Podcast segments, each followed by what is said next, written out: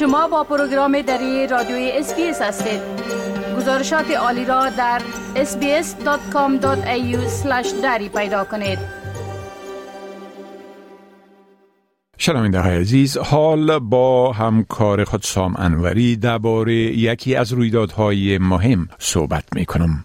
آقای انوری سلام عرض می کنم خب از موضوعات بسیار مهم یکیش اقدام دولت برای اصلاح قوانین مربوط به نظارت و مدیریت مردم تازه آزاد شده از توقیف مهاجرت است بله؟ با سلام به شما و شنوندگان عزیز. بله همون دوری که شما اشاره کردید نزدیک به یک ماه از حکم تاریخی محکمه عالی استرالیا مبنی بر غیر قانونی بودن بازداشت نامحدود پناهندگان و پناهجویان مهاجران میگذره. از او زمان تا حالا 148 پناهنده و مهاجر از بازداشتگاه های مهاجرتی استرالیا آزاد شده که در میان آنها سه قاتل و چندین مجرم جنسی هم هستند. برخی دیگر از آنها در کشورهای خودشان در گذشته به جرایم جزئی محکوم شده بودند و برخی دیگر هم هرگز محکوم به ارتکاب کدام جرمی نشدند.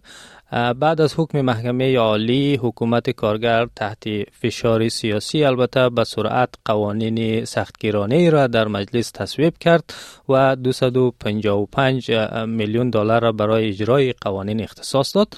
این قوانین همه بازداشته های آزاد شده را ملزم می سازه که به طور 24 ساعته پابند ردیاب الکترونیکی بپوشند و بین ساعت های ده شب تا شش صبح از محل اقامتشان بیرون نروند. اما فشار سیاسی به حکومت به خصوص بعد از دستگیر شدن دوباره دو تن از بازداشتی های آزاد شده که یک از آنها اهل افغانستان است افزایش یافته به همین دلیل حکومت اکنون قصد دارد که این قوانین را اصلاح کنه تا بتانه برخی از بازداشتی های آزاد شده را که سابقه جنایی جدی دارند دوباره تحت بازداشت قرار بده بله خب می‌تونین بگوین که اصلاحات را که حکومت در نظر دارد در این قوانین به وجود بیاره شامل چی چیزهایی است؟ بله اگر اصلاحات پیشنهادی کارگر به تصویب برسند حکومت می‌تونه از محاکم درخواست کنه که افراد دارای سابقه جنایی جدی را تحت حکم بازداشت پیشگیرانه قرار بدن و آنها را دوباره به بازداشتگاه برگرداند. اما حکومت باید به محکمه ثابت کنه که فرد مورد نظر خطر غیر قابل قبول برای جامعه محسوب میشه و با سایر شرایطی که در ویزه اونها درد شده قابل مدیریت نیست.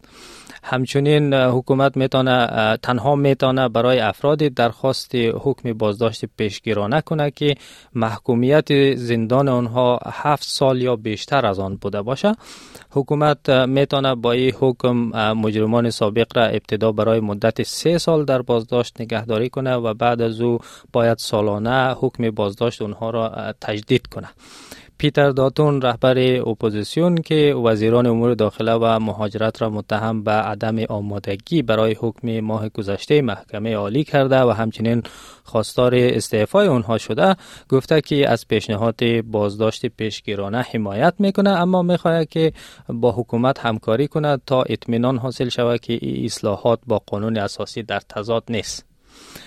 مشخص نیست البته که حکم بازداشت پیشگیرانه برای چند نفر از این بازداشتی های آزاد شده اعمال خواهد شد بله خب درباره پناهنده افغانی که گفته میشه به جرم جنسی متهم شده و دوباره دستگیر شده چی می‌دانین؟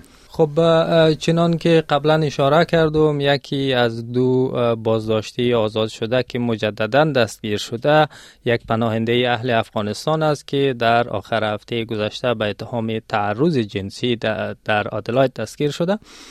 به گزارش ABC نیوز این مرد علیاوری یاوری نام داره و 65 ساله است. یاوری که سه هفته پیش از بازداشتگاه یونگا هیل در ایالت استرالیای غربی آزاد شده بود. شنبه شب دوی دسامبر از مسافرخانه در ناحیه پوراکا در شمال ادلاید دستگیر شده. اگرچه رسانه های استرالیایی در مورد اصالت یاوری چیزی نگفته اما روزنامه دیلی میل او را یک پناهنده اهل افغانستان معرفی کرده.